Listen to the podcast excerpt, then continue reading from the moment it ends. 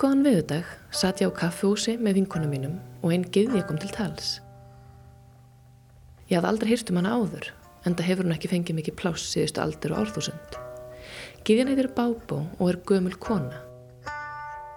Hún kemur úr grískri goðafræði og notar líkama sinn, nánar tiltikið kinnfærin sín, til að slá að leta strengi og skapa góða stemningu við hinn ymsutækifæri. Hún segir dónabrandara og flassar píkunni sinni í partjum. Hún þorir og gefur skít í hvað öðrum finnst. Eftir þessa kaffehúsaferð fór ég allt í einu að taka fyrir bábó allstaðar í kringum mig. Ég fór í útgafahóf ljóðabókarinnar Fræ sem frjófka myrkrið eftir Efu Rún Snorradóttur Kifti mér eintak á þess að vita neitt um innahaldið, fór heim og byrjaði að lesa. Ég átti ekki til orð. Þetta er fyrsta síðan í bókinni. Bábó er grísk gyðja sem var látinni gleymast. Hún kom á sorglegustu augnablikum í helgiatöfnum og í harmleikum og síndi á sér píkuna til að leta stemninguna. Hún táknar gamansamt og leikandi kynfralsi hvenna. Hún hegða sér ósæmilega Hún er ámenning um að allt mun breytast, líða hjá. Ekkert varir, gott eða slæmt. Við munum frjósa, þeðina, blómstra og fölna. Best að reyna að mæta því með óttaleysi. Skömmi setna var ég stött á skemmtikvöldu rauða skaldahúsins í Yðnó þegar Elisabeth Jökuls fór allt inn upp á sviðið og sagði gestum frá þessari merku giðju. Elisabeth fór beinlinnis í líki hennar með húmór sínum á látbræði. Ég trúði þessu varlega. Hinga var hún komin eins og kölluð. Ég komst hérna því að Elisabeth hefur það eiginsögn haft bábú lengi í lífi sínu og verið með alls konar gjörningar henni til heiðurs. Þetta er það sem hún hefur að segja um bábú. Bóbó, hún er sko hvern frelsunar element. Hún frelsar konur og, uh, og hún frelsar okkur kynferðislega og bara svona sjálfsmyndarlega og það er náttúrulega svo tengt oft það er bók sem heitir Women Who Run With Wolves þekkir þú hana? Þar las ég fyrst um Bóbo og hún var að tala um þess að þetta er giðja sjálfsfróðunar og ég bara, vá, er það til?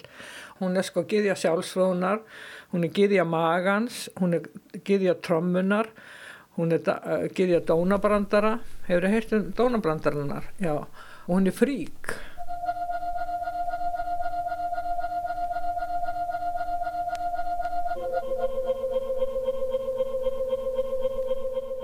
Aþena og Afrodít og þær voru svona, þú veist, eins og Barbie, þú veist, eins og hérna framann á Vogue og öllum þessum blöðum, en Bobo er bara frík.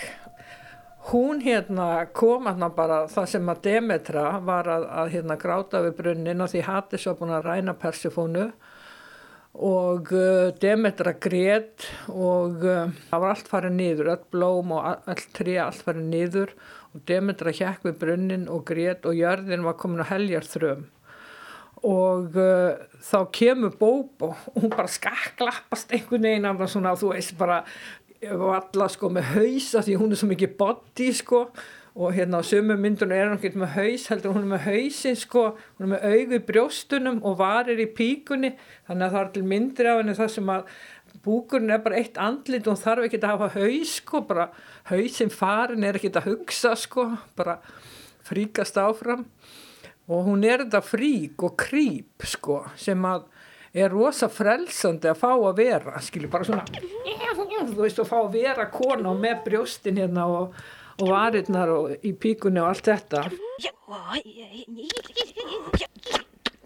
Þetta er náttúrulega sko heilat alveg til að við segjum svo í sambandi við nögun að þá auðvitað við verðum að passa upp á líkamann líka og Bóbo passar upp á það sko, hún fer ekkert þá hún fari yfir stríki þá held ég hún fari ekkert yfir stríki skilur, hún er aldrei ruttaleg eða sóðaleg eða skilur neitt svoleiðis, hún, þetta er allt svona mjög sofistikera hjá henni og svona göfugt, grín er göfugt og sjálfsögun er göfug og bóbo er göfug og það er það sem er við hana að hún, hún er alltaf með stjórnina sko, hún fyrir aldrei út í eitthvað stjórnleysi sko. Hefur hana, fróða sér? Nei.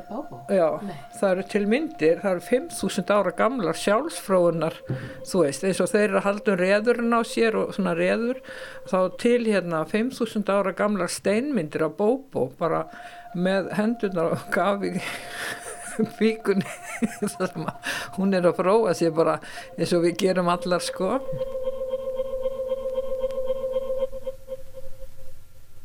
Heldurðu að í öllum konum búi bóbó?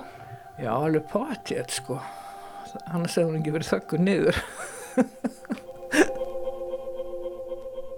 Mér dettur í hug núna sem ég hef ekkert hugsað áður að um leið og konur fara úr badneign að þá byrjar þessi þökkun. Já, þú hefur engan áhuga á kynlíf nema bara því að til að eignast börn. En, en það er nefnilega, ég hef búin að tala við þessar konur og það eru bara, sko, við erum að tala um ræðfullnægingar og ein upplifið það, hún upplifið það að þegar hún hætti sem sagt á, á hérna, breytingarskeiðinu, þá fór hún að upplifa eitthvað allt annað með sjálfur sér sko í, í sjálfsfróðan og þá fór eitthvað rosalega mikið að gerast hjá henni og hún var bara, ég held að hún hafi verið einmitt um sjötugt og hún var bara stelpur bara býðið bara sko og, og, og ég fekk bara svona, uff, hvað er laka til bara, mm, sko ég meina þú veist, og það, það er þess að sögur sem maður þarf að heyra. Ekki þetta svona, já, svo bara hætti ekki daginn spötn og þá bara dettið út eða eitthvað, af því að það er svo mikið það sem er verið að segja manni og það er bara ekki satt. Þú veist, ég var alveg jafnmikla kynkvöld núna eins og þegar ég var, þegar ég var 18 ára sko. Og jafnvel einhvern veginn kannski á einhvern hátt meiri sko eða, eða ég veit það ekki. Allavega alveg, mér langar alltaf eitthvað að sofa hjá sko. upplifir eins og núna þú sést kannski örugari eða meira sjálfströst eða? Já, kannski bæði og sko því svo finnst manni maður líka verið eitthvað kannski eldri og þá verður maður oft svona fær meira sjálfströst og svo getur maður svona þurft að ná í það stundum að því að mingar og segja já ég er á svo gömul og, og allt þetta en það skiptir einhver máli hvort maður segir þetta því þegar maður var þrítugur þá sagði maður já ég bara ég er hann gömul. Maður, þegar ég var 20 ára þá var ég á hann gömul skiluru En þetta er mjög sérstökk aðstæð sem ég lend allir hérna í eins og ég upplifði, já Bóbó er bara allir komið langt síðan ég séð hana. Mm. Og ég var um þetta að hugsa býtu fyrst að býtu hver að hlusta og hva, hver verður nextlaður og hver býtu hverna fór ég við strikið og hverna áböði ég einhverjum? En nú erum við bara hérna tvær konu við eldúsborð og það eru túlipannar hérna borðinu og kerti og, og bara uppvaskið og allt þetta. Og við erum bara að tala um sjálfsfrón sem við myndum gera ef við myndum, myndum bara hittast og værum vinkonur og jafnvel þótt við séum bara ekki vinkonur heldur bara tvær konur og það væri bara rosa eðlilegt. Og skilur þess vegna er þetta svo frábært þetta fer. Svo bara er einhver að hlusta og það sem ég ætla að segja að bara það að tala um hlutina er frelsandi. Bara það að segja já ég fróa mér, ég hef fróa mér. Sem halda því áfram. Já, algjörlega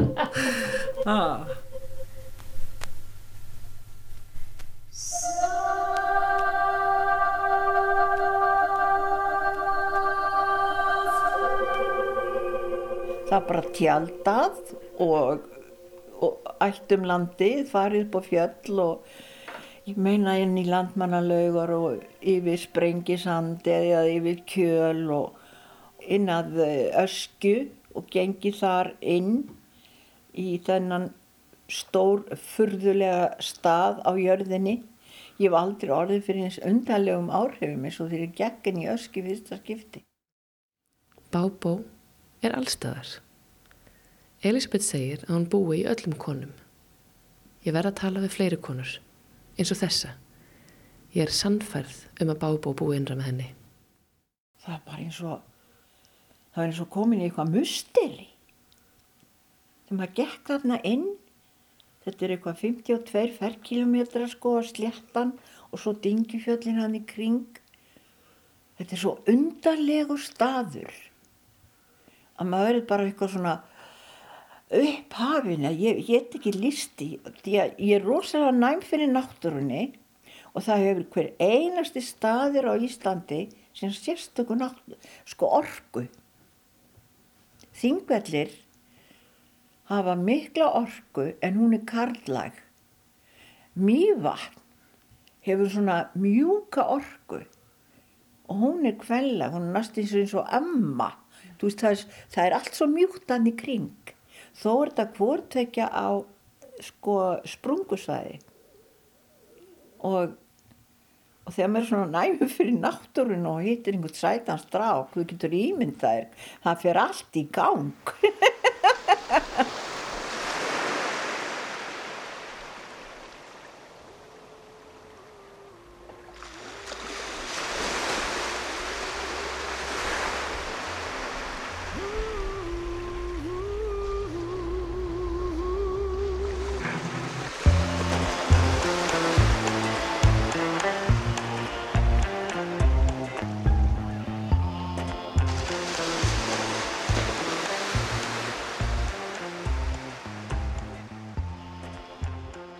ég vissi ekki hvað var að skeja ég held að vera eitthvað að brenna þarna niðri. Og ég bara en þetta var ekkit vond þarna kemur þetta. Já, í köðlunum. Þarna, ég var alveg búin að gleyma þessu. En ég fór senda ekki að sko pæla eitthvað. Ég bara passaði, passaði mig á köðlunum og eftir því að mér fannst þetta eitthvað svo skrítið og ég var ekki alveg viss hvað var að gerast þarna. Nei. Þetta var gaslega gott, þetta var svona eins og ég segi, dísætt raflost.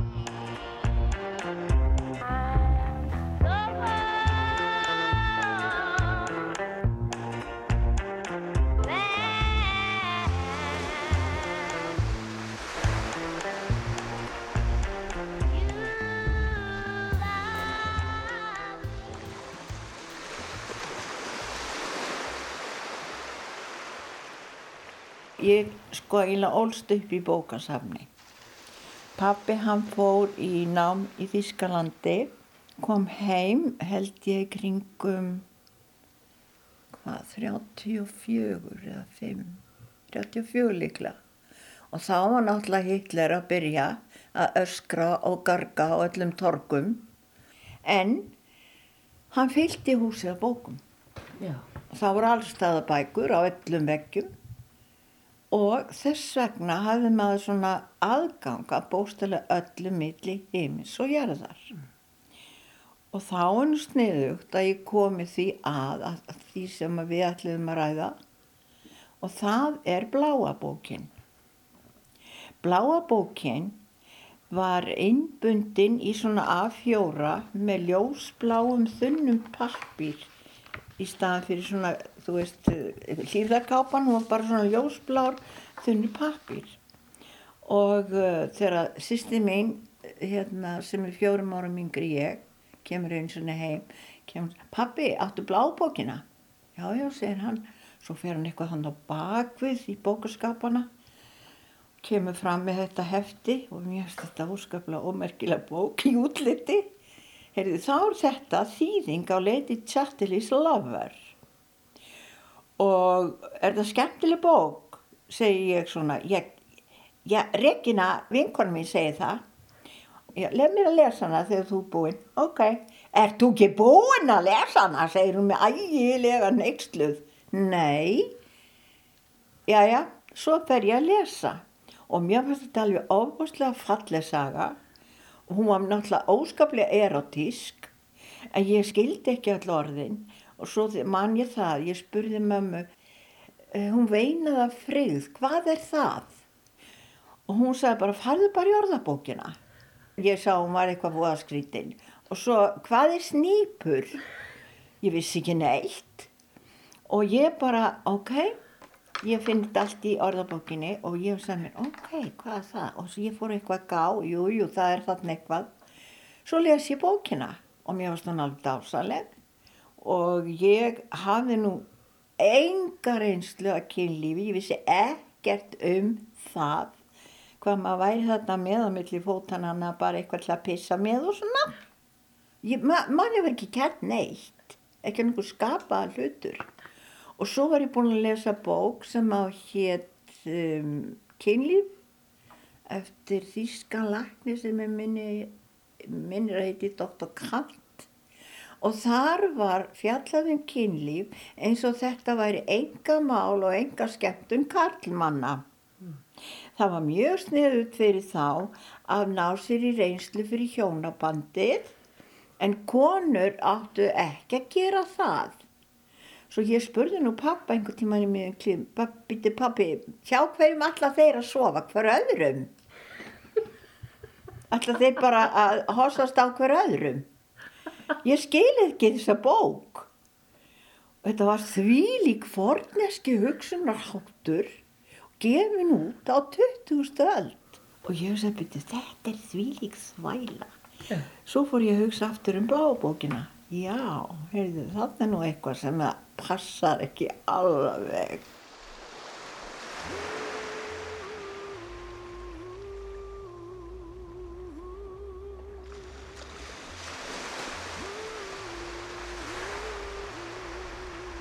Að hafa blæðingar.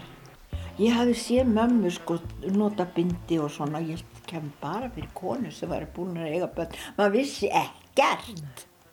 Maður vissi bara ekki nokkuð skapaðan hlut. Enginn búin að segja neinum neitt. Nei. Og ég vissi ekkert hvað var að gerast og svo bara fer ég þarna í, fram á bað og þrým mig og hún heit mig hafa bindi. Mér fannst þetta algjör rillingur. Svo kemur hérna heimilislæknin okkar afskaplega elskulegur og góðu kall og hann sér mig þarna fram í andirinu, ég geng þarna held um magan og ég, ég segi, hvað er að þér vinna? Æ, ég er að byrja að hafa blæðingar, ég er alltaf með svo ægilega verki. Ég skal gefa þeir dropa við því, elskan mín. Svo hérna tekur hann töskuna sína og svo réttur hann mömmu lífsseðil og var með eitthvað svona í, í töskunni. Ég átti að setja tíu dropa í glasa vatni og drekka þetta. Það myndi leina þjáningarnar. Veistu hvað það var? Ópíum. Þetta var ópíum og ég bara, og ég, svo, en það, það sló ekki á þessa verki. Ég var að strauja fyrir mömmu og vorum eitthvað að tala saman og vorum í eldhúsinu, vorum hérna, þetta útvarp okkar í gamla daga, þetta mann og bara eins og sem breyta að kalla Open University, þetta var alveg stórkostlegt. Það var svo mikið fræðsla og bæðum tónlist, bóklimentir og allt. Og við erum eitthvað að tala saman hann um þetta og ég er að strauja. Svo straujaði ég bara yfir handabakið á mér, ég fað ekkert verð við það. Halló! Svo var, ég fann að sjá svona allt í móðu og, og ég sagði mamma, ég ætla ekki. Þetta gerir ekkert fyrir mig. Ég verð bara dofin að þessu. Hugsaður, ég hefði gett orðið ópíum neytandi með fullri vittnesku heilbriðskerfisins og samþykki Já. á þessum tíma.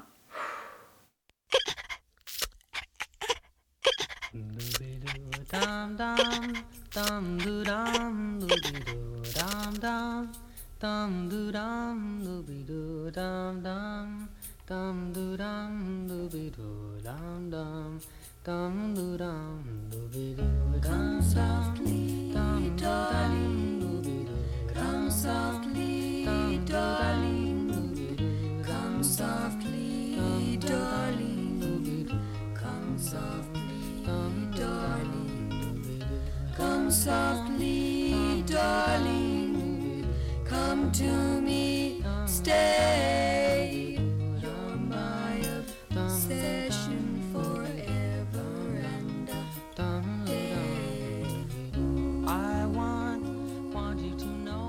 Ég er náttúrulega fætt á þeim tíma þegar karlmaðurinn var, þú veist, yfir allt hafinn og svo voru við semst fjórsískininn og hafi bjóð hjá okkur líka og, eh, og mamma sagði mér það sko að þau gæti sennilega ekki haldið tveimur að því það bara eitt og hálft ára á milli mín og bróðum minns, tveimur hérna, uppi í námi í mentaskóla. Og það þetta var bróði minn sem átti að fara í mentaskóla. Og ég sem er mér ok, maður bara var stelpa og maður vissi að maður var þrefnum lagri. Hanga til maður komst að öðru. Svo uh, fór ég nú reyndar í húsmannskóla Reykjavíkur því það var svo gasla gott nám. Undirbúst undir lífið. Kunna búið til góða mat og búið um rúm og hugsa um börn og gamanmenni. Ég er ekki að grínast. Það var þáttur í heilsufræði húsmara sem við vorum langt að lesa hvernig átt að sinna gamalmennum. Og þetta virðist vera ennþá ríkt í þjóðinni að konur eigi bara að hugsa um allt sem að hinn er ekki að gera. Einhver svona ummönnun með fólk. Það voru tvær giftar og við vorum minnst okkarsti tíu ef ekki tólf trúlafaðar. Og þarna var hjúknarfræðingur sem kendi okkur þessa heilsufræði og svo þegar kom að kaplanum í kynlífið þá bara lokar hún bókinni. Það er nú ekki tímabært að tala um þetta. Og ég gerðsamlega misti andlitið. Já. Og uh, þá var ég nú sjálf búin að lifa kynlífið því ég var trúlofuð og, og, og allt það og maður var náttúrulega alveg í skelvingu alltaf yfir því ég var ekki óléttur. Ég minnist þess ekki að það hefði verið margar á þessum tíma í kring á hérna, sjötta áratugnum sem að drifis ekki hjónabanda því hún var ófrísk. Stúlkan var ófrísk. Og svo er mér svo misbóðið. Ég fer og tala við fröken Katrínu, skólastjóra og segi, heyrðu, mér finnst nú taldið einkennlegt, við erum hérna í þessum skóla? Og við erum að læra allt ægilega mikið flott og fínt. Þetta var svona næstuð eins og þessi breski finishing skúl því að við áttum að læra hvernig áttu að náttúrulega að leggja vel og flotta borð hvað maður átt að nota undan hverju þegar maður var með, þegar það var alltaf veislumatur á 50 dögum og það var kannski þrýr réttar og svo framvegis. Og uh, við áttum að taka, læra að taka vel á móti gestum eins og ég erum allar einhverja höfðingja konu sko. Fyrir utan allt bara, það var ægilega gaman og gaglegt en þegar að koma kynlífinu og við erum allar þarna á leiðin í hjónaband þá bara er bókinni lokað. Og ég segi við hana frökun Katinu hvernig stendur á þessu? Flestar okkar vita voða lítið. Sko eina bókin sem maður hefur aðgangað og saði henni frá þessari bók hvað mér myndist hún fáránleg. Já veistu ég skildi mjög vel en af einhverjum ástæðum þá treystur hún sér ekki til að ræða þessa hluti og ég fór að hugsa um þetta þegar ég fór að kenna krakkonum kynlíf í líffræði í tíundabekk það voru daldi öðrum í samfélagið nei, veistu það að þetta er nákvæmlega þessi leynd og leyndin líka sem byggist á því að konur tala aldrei um sjálfsfróun eða sko, jú, við vitum allar gera þetta, en þetta er samt ekki drælt, nefnum í Sex and the City. Ha, þáttunum þar. Og öllum finnst þetta ægilega gaman og öllum finnst þetta bara sjálfsagt. En við sýsturnar ræðum þetta, sko, það sem að okkur finnst svo gott núna, að uh, þegar maður er þreyttur og upp, upp spenntur og pyrraður þá er þetta besta svepp meðal í heimi. Það er að stunda sjálfsfróðun áður en maður fer að sofa. Ah, þetta er svo gott. Maður slakar svo vel á og bara æ, svo ímynda maður sér tekur kottan sinn og ímynda maður sér bara með einhvern ægilega sætan bás í fákinu Hear what I say.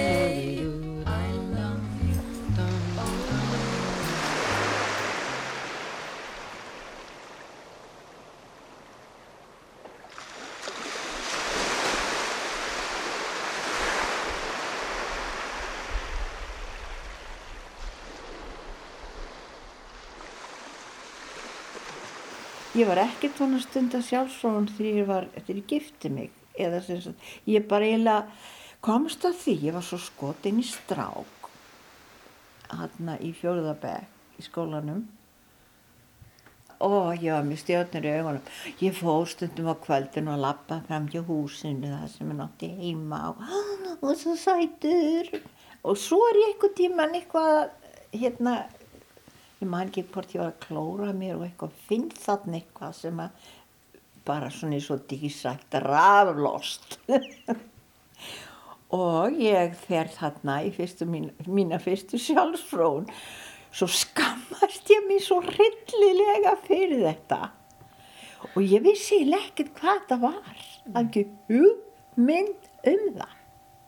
Af því ég var ekki búin að finna neina svona kendir í sambandi við stráka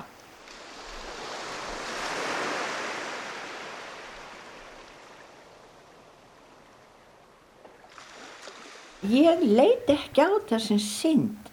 Ég var bara að það uppgötu eitthvað sem ég hafði ekki hugmyndum að vera til.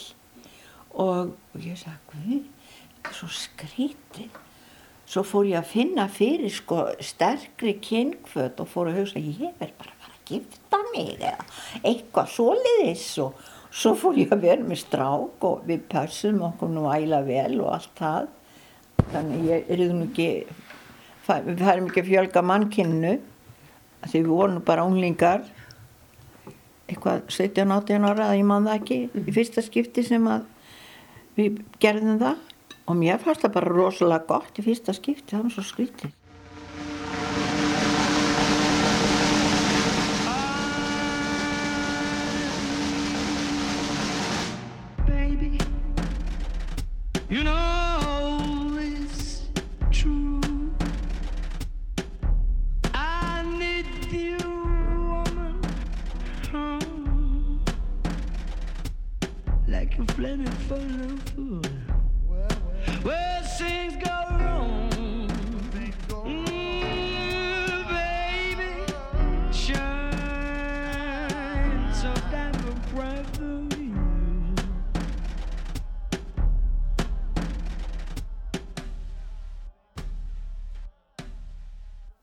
það er líka sko sem að tengist þessu náttúrulega mjög mikið og það er hérna og í raun og veru er uppsprettan að kynlífi býst ég við og það er þegar fólk verður ástfangið. Og þessi undarlega tilfinning þegar að bara sko mann finnst maður standi í ljósum lógum og og hvað þetta er sterk tilfinning. Að því raun og veru þá getum við sko við getum eignast börn við hverjum sem er og hvenar sem er á þess að vera nokkuð ástfangið. Eins og var nú náttúrulega ég meina þegar fólk hérna áður fyrir það var bara ákveðið af foreldrum að þessi og hinn átti að giftast vegna þess að það voru hagsmunir í, í hérna sem að kölluð á það segði þetta er alveg dásaleg tilfinning að vera svona ástfangin. Og sérstaklega ef að fólk getur haldið þessum sko eldi við, þessum indislega mjúka hlýja arin eldi sem að bara brennur þarna inn í manni endalaust. Og það er svo mikið kunst að halda því við. Og það er það sem þarf, þarf líka einhvern veginn að, að hjálpa fólki með að, að halda í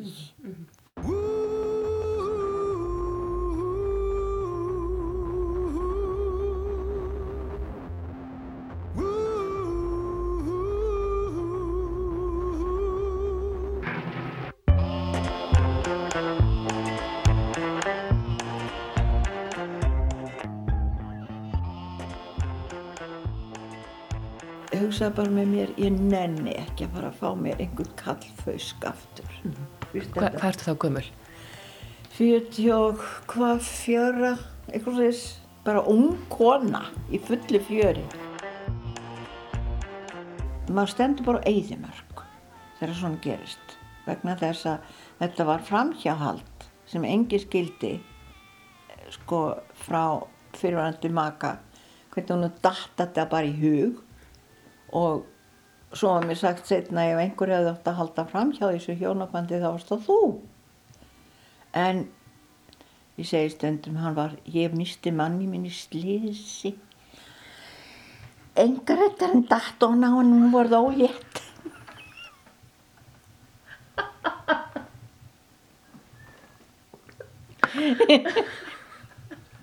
Ríkalegt slis. Já, þetta var agalegt slís. Sko, þetta er náttúrulega guðskjöf, mér gefur svo gott skap og líka að sjá alltaf broslegu hlýðarnar á öllu. Og þess vegna þegar ég gekk í gegnum hennar hryllilega skilna, þá einhvern veginn hugsaði með mér, ég skal standa yfir mér pálmann í höndunum. Það er ekki að láta þetta þennan mann brjóta mig niður. Þetta, var, þetta er rosalt að gangi gegnum þetta. Alveg opáslegt. En þarna sagt stend ég bara á einmörk og ég fer að næ mér í vinnu og ég fer að vinna á, byrja í gestamóttökunni á, já ég fór í nám 73, þar var, fór ég í leysöfumannaskólan af því ég var mjög góð í tungumálum kunni alltaf tískuna og, og þar var Vigdi Svingbóðdóttir sem satt stilið þeir þessu námskeiði þannig að vestur í åtta og hún var alveg dásamleg. Og þegar ég var í Hamraliðinni þá var komin í eitt frönsku tíma sem hún listi af og ég lærði held ég meira í þessum eina tíma hjá henni heldur en í heila mánu því að hinni konu sem var að kenna. Mm. það var svo mikil munur alveg dásanlega manneska og ég þér það þegar ég var að gangi gegnum alla þess að þrautagöngu með skilnaðin og annað þá ég beigð alltaf eftir áramóta áarpinnanar af því að hún tala alltaf í hjarta á fólki. Þegar hún kemur og segir góði landsmenn og allt það svo kemur sagt er að tími lækna öll sár. En þetta er ekki rétt. Maður lærir að lifa með þeim. Og ég bara yes. Og ég hugsaði með mér mikið er ég sammálaðir og að því að sko maður fer í svona ægilega dýfur þú veist, maður er ekki bara að missa mann, maður er að missa hluti af vinum og maður er að missa stöðu, ákveðna stöðu í þjóðfélaginu sem ég var náttúrulega alveg skýtsam um það sko. En sko það er svo margt, maður er að byrja á eyðimörk. Og ég hugsaði bara oft með mér ég er bara aumingi. Ég er bara ræfill, ég er bara aumingi. Og ef maður hitt einhvern sem vildi hlusta á mann þá hekk maður bara munnræpu. Það var ekki gaman Nei. en sem betur fer þá er þetta viðurkent í dag sem jafnsárt og sumiliti erfiðara heldur en að ef hann hefði nú bara farið í gröfina sko. Já. Sko ég hef oft óskað þess að ég væri lesbía. Það er til haugur af dásamlegum konum, velmentuðum, hugulegum, skemmtilegum sem að ná sér ekki í menn því það er alltaf ekki að taka niður fyrir sig í orðsins fylstu merkingu. Því það sem er í bóði er bara gámarösl. Því miður. Einhverju plastbókagæjar og sumur þeirra búa en þá hefum hjá mömmu sinni sem að sko eru fráskildir og eitthvað svona og þá vantar bara aðra mömmu eða einhverja hækju til þess að fara með í gegnum lífið. Hvern langar í það? Ekki okkur.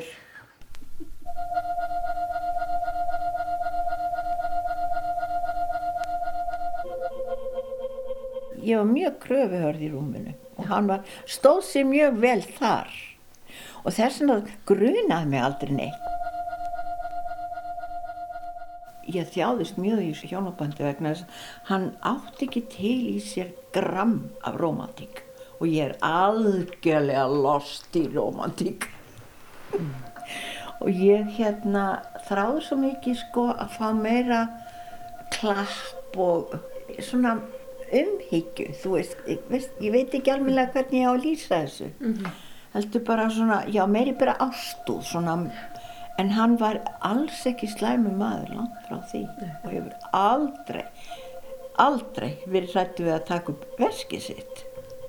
Þar kom hans, sko, inn í, staðin fyrir svona mikla romantík og eitthvað. Einu sem langaði mig til þess að við gerðum það bara út í náttúrunni. Þá vorum við að veiða og hann hérna í norður á og, og ég var alveg bara mm, brjáluð í hann, nei takk. Geymum þetta bara þangar til í kvöld. Ég fannst þetta svo fyndi eftir á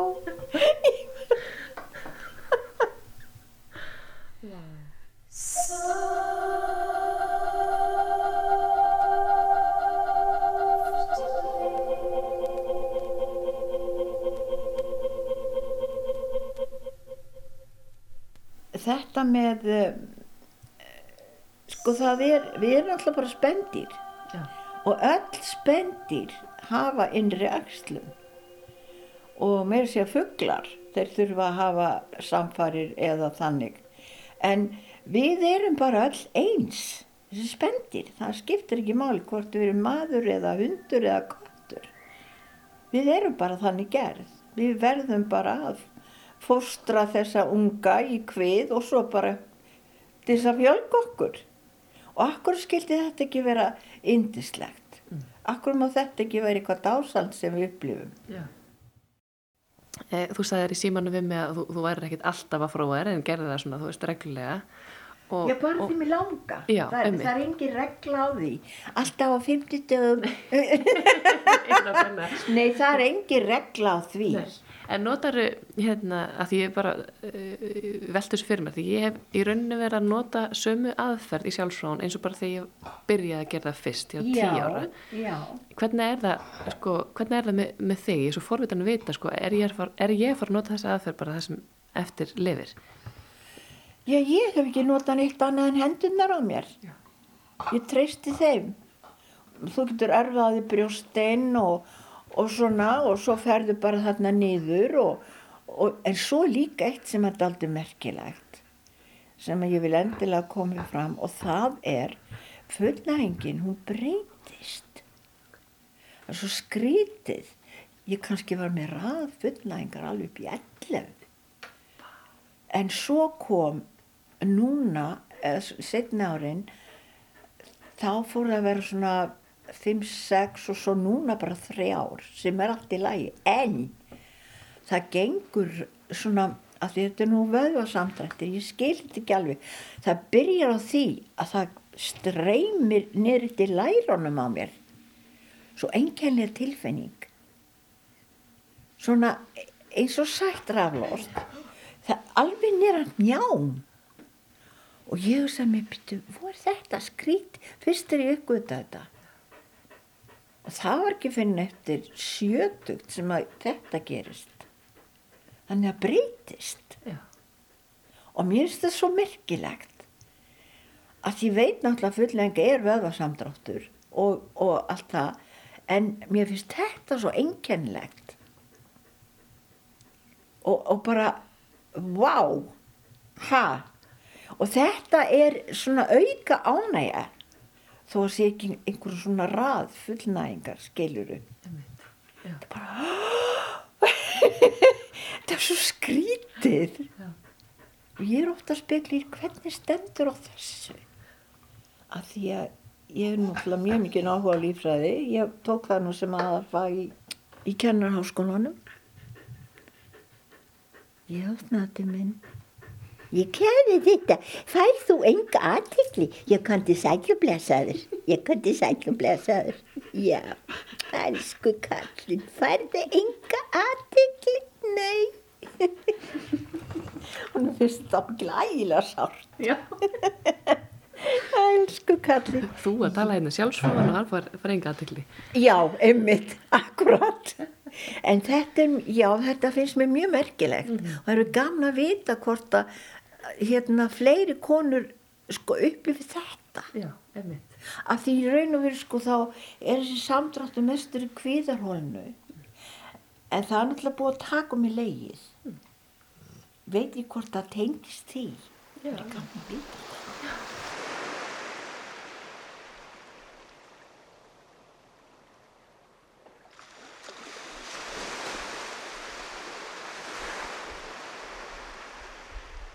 Ég held líka að eh, flestar konur sem að þóra að snerta sig, það stundir bara sjálfsfróðum fram í andlátið.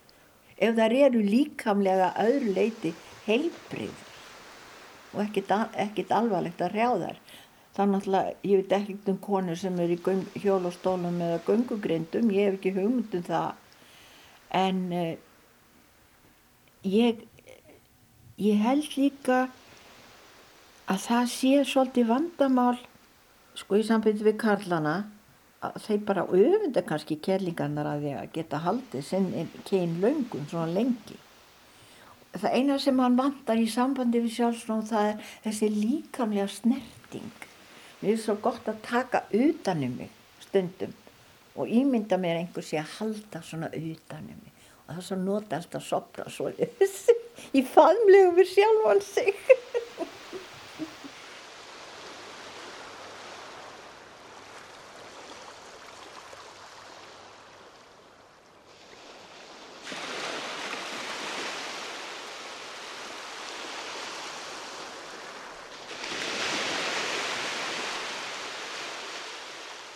Ég og þessi kona, við eigum ímislegt sameigilegt og meðal annars það að við sopnum einar á kvöldin. Maðurinn minn er hún út í námi í útlöndum, þannig að ég bý ein með börnunum minnum tveimur. Og ég fer þessu svona alltaf ein upp í rúm.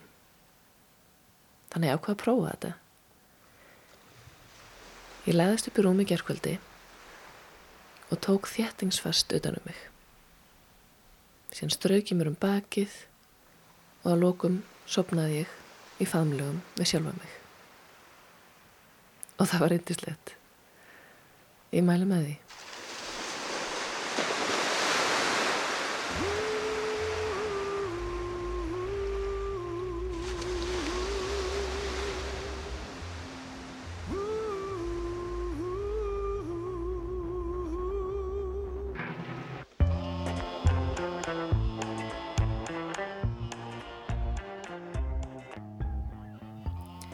Þessi þáttur var tilengaður bábó og öllu því sem hún stendur fyrir. Fyrir leikandi kynfralsi kvenna, fyrir því að haga sér ósamilega og fyrir því að þóra. Þóra að leika sér, þóra að elska sig, þóra að gefa skít í það sem öðrum finnst. Þóra að vera þú sjálf og vera stolt að því.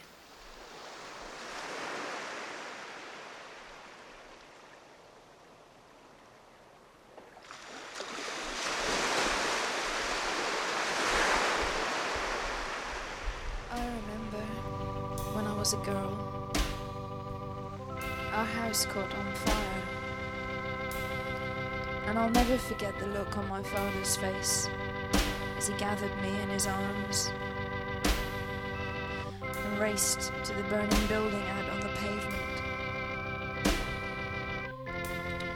And I stood there shivering and watched the whole world go up in flames. Was all over, I said to myself, Is that all there is to a fire? Is that all there is? Is that all there is? If that's all there is, my friends, then let's keep dancing. Let's break out the booze and have a ball. If that's all there is.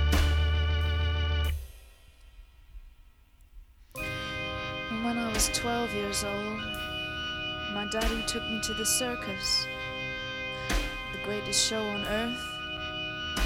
And There were clowns, and elephants, and dancing bears, and a beautiful lady in pink tights flew high above our heads.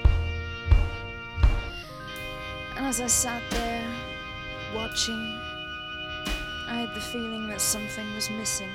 I don't know what, but when it was all over, I said to myself, Is that all there is to the circus? Is that all there is? Is that all there is? If that's all there is, my friends, then let's keep dancing. Let's break out the booze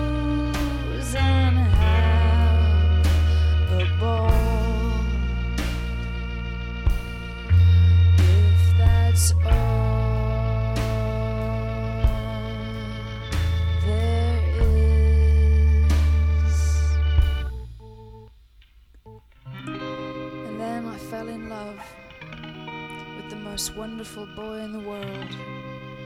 We'd take long walks down by the river or just sit for hours gazing into each other's eyes. We were so very much in love. And then one day, he went away, and I thought I'd die. But I didn't. And when I didn't, I said to myself, Is that all there is to love? Is that all there is? Is that all there is? If that's all there is, my friends, then let's keep. I know what you must be saying to yourselves. If that's the way she feels about it, then why doesn't she just end it all? Oh no, not me. I'm not ready for that final disappointment. Cause I know, just as well as I'm standing here talking to you, that when that final moment comes and I'm breathing my last breath, I know what I'll be saying to myself. Is that all there is? Is that all there is? Is that all there is? If that's all there is, my friends, then let's keep dancing. Let's break out the booze